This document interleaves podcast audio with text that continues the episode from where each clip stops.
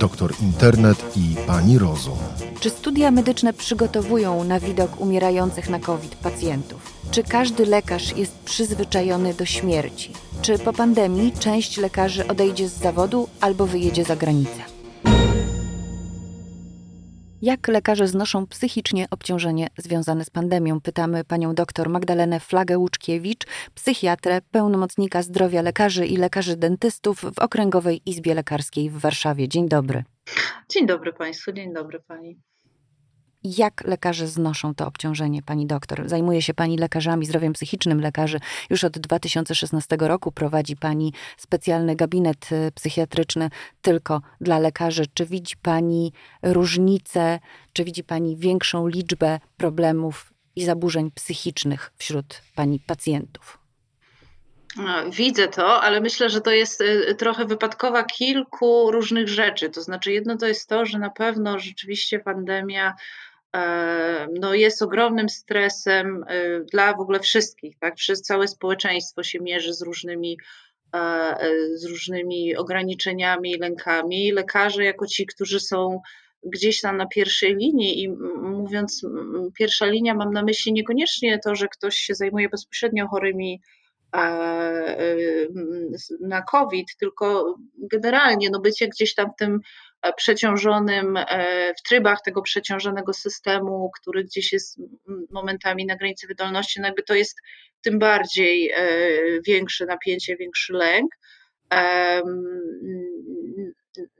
Więc, więc to, natomiast to, co jest e, inną kwestią, która moim zdaniem bardzo też wpływa na to, że, że pojawia się coraz więcej osób, no to jest trochę takie paradoksalnie plus tej pandemii. To znaczy, po prostu zaczęło się od, y, od ostatnich tam tygodni, miesięcy mówić coraz więcej i to wszędzie na świecie, y, no o tym, że to jest, że to jest jednak stres, że to jest trauma, że to jest y, przeciążające, że ta ludzie pracujący e, w opiece zdrowotnej, że oni po prostu, no że oni mogą nie wyrabiać, że to po prostu może być za dużo.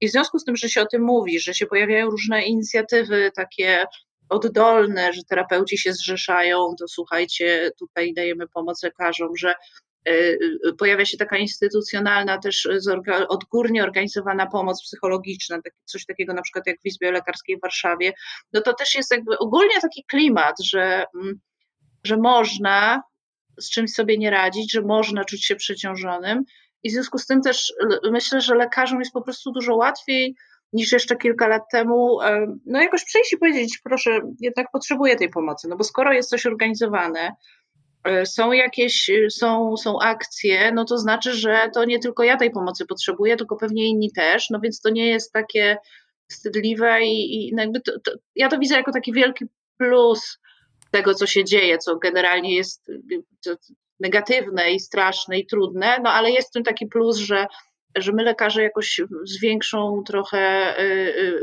z większym przyzwoleniem patrzymy na to, żeby, żeby jakąś, po jakąś fachową pomoc e, się zwrócić. No i myślę, że to też, że to na pewno wpływa na to, że, że tych osób zgłaszających się e, czy do mnie, czy, czy do terapeutów, do innych lekarzy też jest, jest dużo więcej w ostatnich miesiącach. Pani doktor, pojawiają się opinie, że lekarz, szczególnie chirurg, to jest ktoś, kto powinien być uodporniony na widok y, nie tylko krwi, ale też na sytuacje, w których pacjent umiera. Tymczasem y, tak nie jest. Ja sama niedawno odebrałam SMS-a od kolegi, który mówi: Napisz, że w naszym szpitalu zabrakło worków na zwłoki. Inny lekarz y, zamieścił dość mocną mm, relację o tym, jak to musiał sam znosić zwłoki umierających na COVID y, ludzi do chłodni, bo brakowało personelu. Mm, ci lekarze bardzo mocno to przeżywają, a wydawałoby się, że powinni być predestynowani do tego, żeby tą śmierć widzieć, żeby z nią obcować. Czy tego jest za dużo, czy y, nikt, nawet lekarze, nie jest na to przy, przygotowany? No, hmm, to, to, ja bym tak od innej strony do tego podeszła, no bo, no bo mówi Pani, że ten chirurg to nie powinien właściwie mieć jakichś szczególnych przeżyć w związku z tym, no bo jest przecież przyzwyczajony i powinien być taki właściwie.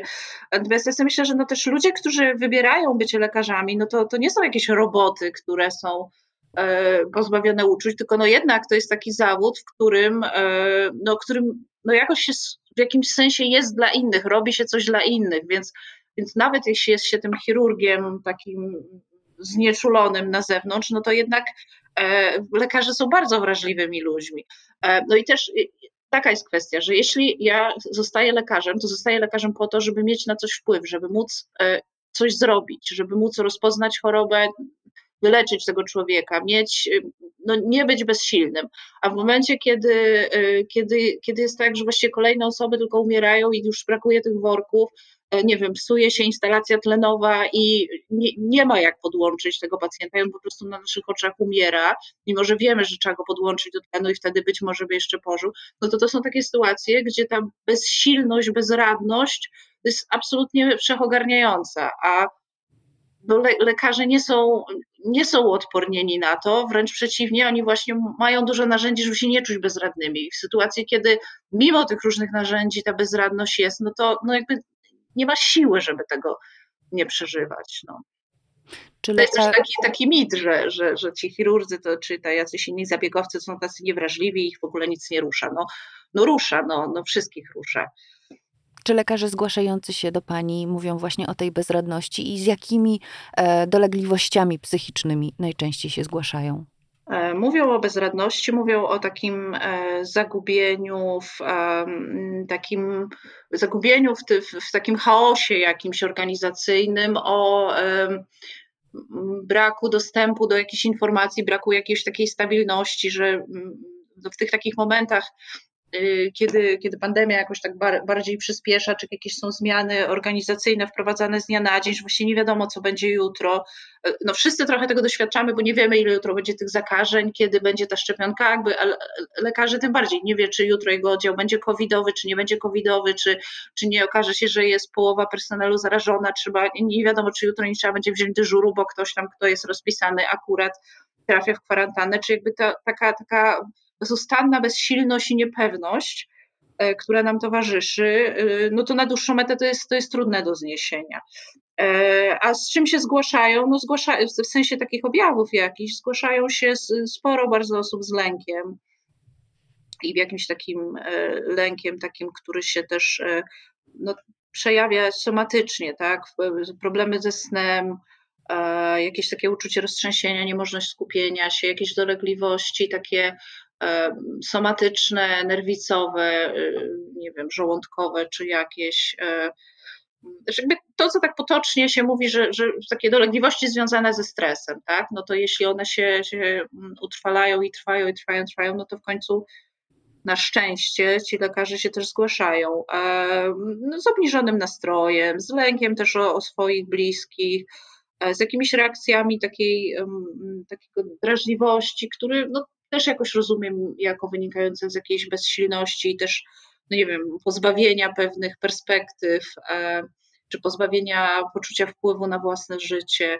Też się zgłaszają osoby, no, które no generalnie no, lekarze chorują na to wszystko mniej więcej, co, co nie lekarze, więc, więc osoby, które jakieś mają problemy, czy z nastrojem, czy wcześniej miały, e, czy, czy lękowe, czy, czy jakiekolwiek, no to też w takiej sytuacji nasilonego stresu, no wiadomo, że mogą, mogą się gorzej czuć, więc e, ja jakoś ja nie mam takiego poczucia, że to jest jakieś jakościowo bardzo inne, to po prostu tego jest więcej, e, no jak to w takiej przewlekłej sytuacji stresowej, granicznej, takiej traumatycznej, no po prostu no trudniej sobie z tym radzić, więc też no więcej mamy różnych objawów i jakoś się dekompensujemy tak psychicznie, a często też somatycznie. Coraz częściej słyszy się o tym, że lekarze wykazują objawy zespołu stresu pourazowego. Czy pani też ma takie przypadki? E, pewnie tak, chociaż ja mam wrażenie, że trochę, trochę w tej przestrzeni publicznej nam się y, y, tak zlały pewne pojęcia. To znaczy, bo zespół stresu pourazowego to jest bardzo konkretny zespół objawów, to jest jakby jeden z rodzajów reakcji na stres. E, który no, ma bardzo konkretne objawy i tam wchodzi w to e, z jednej strony takie ciągłe przypominanie sobie tej traumatycznej sytuacji, z drugiej strony unikanie wszelkich skojarzeń, no i z jeszcze trzeciej strony taka nad, nadpobudliwość, rozdrażnienie, niemoc spania. I to jest jakby taka triada objawów, która jest w zespole stresu paurazowego i ja myślę sobie, że, część, część takiego rozumienia tego, że to jest stres półrazowy, jest takiego w przestrzeni publicznej jakoś jest szersza i w sensie opisuje jakoś bardziej generalnie w ogóle takie przeżycia po jakiejś traumie.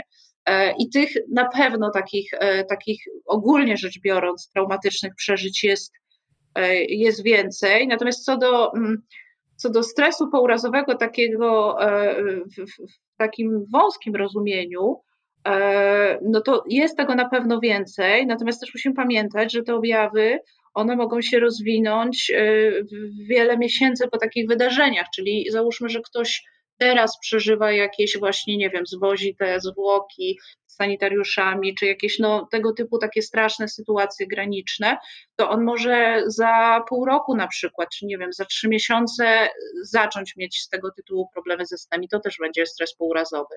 Więc biorąc pod uwagę, że, że ta sytuacja pandemii trwa już rok, no to gdzieś tam e, to takie z opóźnieniem sytuacje mogą być. No i to trochę pojawiają się też E, pojawiają się gdzieś tam na tych, w tych dyskusjach takich między lekarzami e, mm, wątki takie, że, że część ludzi ma dość też w ogóle pracy jako lekarz, tak? że, że myśli o tym, żeby żeby, mm, no nie wiem, zrezygnować, żeby coś. I ja to też słyszę od, od, od różnych osób. No i to może być jakiś element, no bo jednym z elementów PTSD, czyli tego stresu pourazowego jest ten, jest unikanie, tak? Czyli jest unikam wszystkiego, co mi się kojarzy z tym, z tą sytuacją tej traumy, którą przeżyłam, tak? Czyli jeśli zostałem straumatyzowany jako lekarz, no to mogę mieć potrzebę, żeby w ogóle może, może już przestać być tym lekarzem, żeby mi się nie kojarzyło nic z tamtymi strasznymi przeżyciami. Bo moje ciało się odruchowo wtedy aktywizuje, nie? Więc... Czy możemy w związku z tym spodziewać się fali odejść z zawodu po pandemii? Pewnie tak, chociaż no, trudno jest powiedzieć, to też jest kwestia tego stresu, ale myślę, że też to też się jakoś pojawia w rozmowach lekarzy, no, że, że wiele osób mówi o takim rozczarowaniu, tym, tym jak, jak nasz system sobie z tym poradził, jak, jak, jaka jest organizacja tego i, i, i pewnie y, nie ma y, decyzji, które można podjąć i ich nigdy nie żałować. I pewnie te decyzje, które teraz są podejmowane, będą do oceny za, za ładnych parę lat dopiero. No ale jakoś gdzieś się przewija e, wśród lekarzy takie, takie rozczarowanie, rozgoryczenie no, no tym, jak to wszystko jest organizowane w tej pandemii. I e, są osoby, które mówią o odejściu z zawodu, ale też jest mnóstwo ludzi, którzy mówią o tym, że no jak tylko się ta pandemia uciszy, to, y, to rozważają całkiem poważnie emigrację, czyli tego się też trochę spodziewam, że będzie jakaś fala, y, nawet w swoim otoczeniu mam, mam kilkoro takich osób, które całkiem otwarcie o tym mówią, że, że jakby to, te ostatnie miesiące y, spowodowały, że ostatecznie tą decyzję o emigracji podjęli, bo wcześniej mieli jakiś pomysł, no ale nie byli pewni, a że, że to jak, jak, jak to działa w czasie pandemii upewniło ich w tym, że, y, no, no, że jednak nie chcą tutaj żyć i pracować. Nie? Więc, więc tego trochę bym się też niestety spodziewała, że, że część nas po prostu wyjedzie. Którzy lekarze są według Pani, takiej Pani statystyki prywatnej, bardziej narażeni na te przykre objawy yy, i zaburzenia psychiczne związane z tym, co widzą w pandemii? Czy to są lekarze, którzy pracują na oddziałach covidowych, czy to są raczej ci, którzy są na tej pierwszej linii, ale mają teoretycznie przyjmować e, tych niekowidowych pacjentów, często bardzo zaniedbanych w czasie pandemii? E, jakbym tak popatrzyła na, e, na te ostatnie miesiące, to na pewno jedna grupa to byli, jedna grupa moich pacjentów, którzy na jakoś bardzo też bardzo, y, szczególnie na początku, y, w tym takim największym jeszcze chaosie, zanim się jakieś tam wypracowały procedury na to. Y, na największym chaosie musieli pracować i takim jakby najdalej od tych informacji, co właściwie jak to będzie, to byli lekarze POZ-ów, bo, e, no bo to jakoś to, to było rzeczywiście bardzo takie reorganizujące i mam wrażenie, że osoby na przykład, które pracują, e, czy pracowały już wcześniej w szpitalach zakaźnych albo pracowały w tych ośrodkach, które jako pierwsze były przekształcone w szpitale zakaźne, no to oni o tyle mieli e, jakoś lepiej, jeśli to można tak nazwać, że no, że w takich miejscach przynajmniej no było, był duży nacisk na właśnie, na, wiadomo że to będą pacjenci covidowi, więc był duży nacisk, żeby, no, żeby ci ludzie tam mieli te środki ochrony osobistej, żeby byli przeszkoleni, żeby procedury, więc tam nie było tego rodzaju stresu. E, no, co na przykład właśnie w poz gdzie generalnie był straszny problem ze środkami ochrony osobistej, jakby w ogóle też z wdrożeniem jakichś e, bezpiecznych procedur, bo też najzwyczajniej w świecie no, w niektórych miejscach po prostu nie było osób, które by się tym, które by się na tym znały, tak? W szpitalu zakaźnym jest jest, są, jest mnóstwo ludzi w większych szpitalach, też są osoby, które za to odpowiadają, a w jakimś niedużym wiejskim POZ po prostu nie ma takich osób, więc gdzieś na własną rękę trzeba było szukać właściwie to, jak się zabezpieczać. I więc te osoby z, z POZ-ów były bardzo y, jakoś w dużym distresie. Była też taka grupa lekarzy, którzy byli powoływani, gdzieś tam wysyłani, zsyłani do walki z pandemią, tak na mocy tych powołań e, e, przez wojewodów. E, I to też, to były takie sytuacje czasami naprawdę bardzo jakoś trudne i przykre, że na przykład ludzie bezpośrednio po stażu, którzy de facto no, doświadczenia zawodowego nie, nie mają właściwie prawie żadnego, e, mają dużo zapału nawet i jakby chcieliby coś robić, no ale powiedzmy taki człowiek dostaje powołanie i jest y, autentyczna historia. Jest wysyłany do jakiegoś e, domu pomocy społecznej, w którym akurat cały personel się zakaził, no i tam jest, nie wiem, 80 pensjonariuszy w starszym wieku, bardzo schorowanych, no i ten człowiek ma sobie tam poradzić, nie? I e, i wyobraźcie sobie człowieka, który de facto, no on jakby chce, on chce pomagać, on bardzo chce walczyć z tą pandemią, no ale zupełnie y, nie, znaczy ma świadomość, że jego kompetencja nie jest taka, żeby samemu tam sobie z tym wszystkim radzić i że bardzo chętnie by, pracował gdzieś, gdzie jest praca zespołowa i gdzie, no nie wiem, jest ktoś, kogo można zapytać,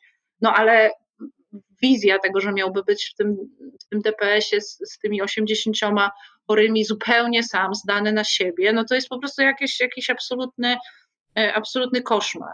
E, no i taka osoba jest wtedy w takim dylemacie, czy e, no ja chcę, ale jak powiem, że nie chcę, no to wezmą, że ja w sensie, będę się bronić, nie, nie, że nie chcę tam pojechać, no ale to wtedy wyjdzie na to, że ja jestem, co ze mnie za lekarz, jak nie chcę ludziom pomagać, nie? Czyli w takim jakieś dy, dylematy. I więc, więc ci młodzi ludzie, którzy właśnie albo się obawiali tego skierowania gdzieś do pracy, albo właśnie dostali to skierowanie, albo nie wiem, okuliści, którzy, czy e, dermatolodzy, którzy zostali przekierowani na oddział covidowy, e, taki no, internistyczny covidowy, gdzie pacjenci umierają. No jak ktoś jest dermatologiem czy okulistą, no to raczej no, nie ma tak, że mu codziennie iluś pacjentów umiera, to nagle taka osoba, nie wiem, drugi rok specjalizacji zostaje przekierowana i jakby nikt się nie interesuje tym, e, no jak ona sobie z tym psychicznie poradzi, nie? I oczywiście to jest konieczność, tak? To jest, to jest wojna, ale, e, no ale to, takie osoby jakoś po prostu tego nie wytrzymywały. Też zwłaszcza, że, że, że w miejscach, e, no, gdzie ten front był, no to tam wsparcia takiego psychicznego, e, no, no jakby o tym nikt nie myślał, bo się myślało o tym, żeby zrobić śluzy i żeby były maseczki, kombinezony dla wszystkich. Nie? A ci ludzie po prostu byli zostawieni e, gdzieś w tym, w tym chaosie, tak wrzuceni. I, i musieli sobie z tym radzić, y, właśnie też chociażby z tym, że pacjenci umierali na ich oczach. Lekarze nie byli przygotowani na umieranie pacjentów. Można się spodziewać, że po pandemii e, niektórzy odejdą z zawodu, inni będą wymagali pomocy psychiatry. Rozmawialiśmy o tym z panią dr Magdaleną Flagą Łuczkiewicz, e, psychiatrą, pełnomocnikiem zdrowia lekarzy i lekarzy dentystów w Okręgowej Izbie Lekarskiej w Warszawie. Dziękuję. Dziękuję. Słuchaj więcej na stronie podcasty.rp.pl. Szukaj Rzeczpospolita Audycje w serwisach streamingowych.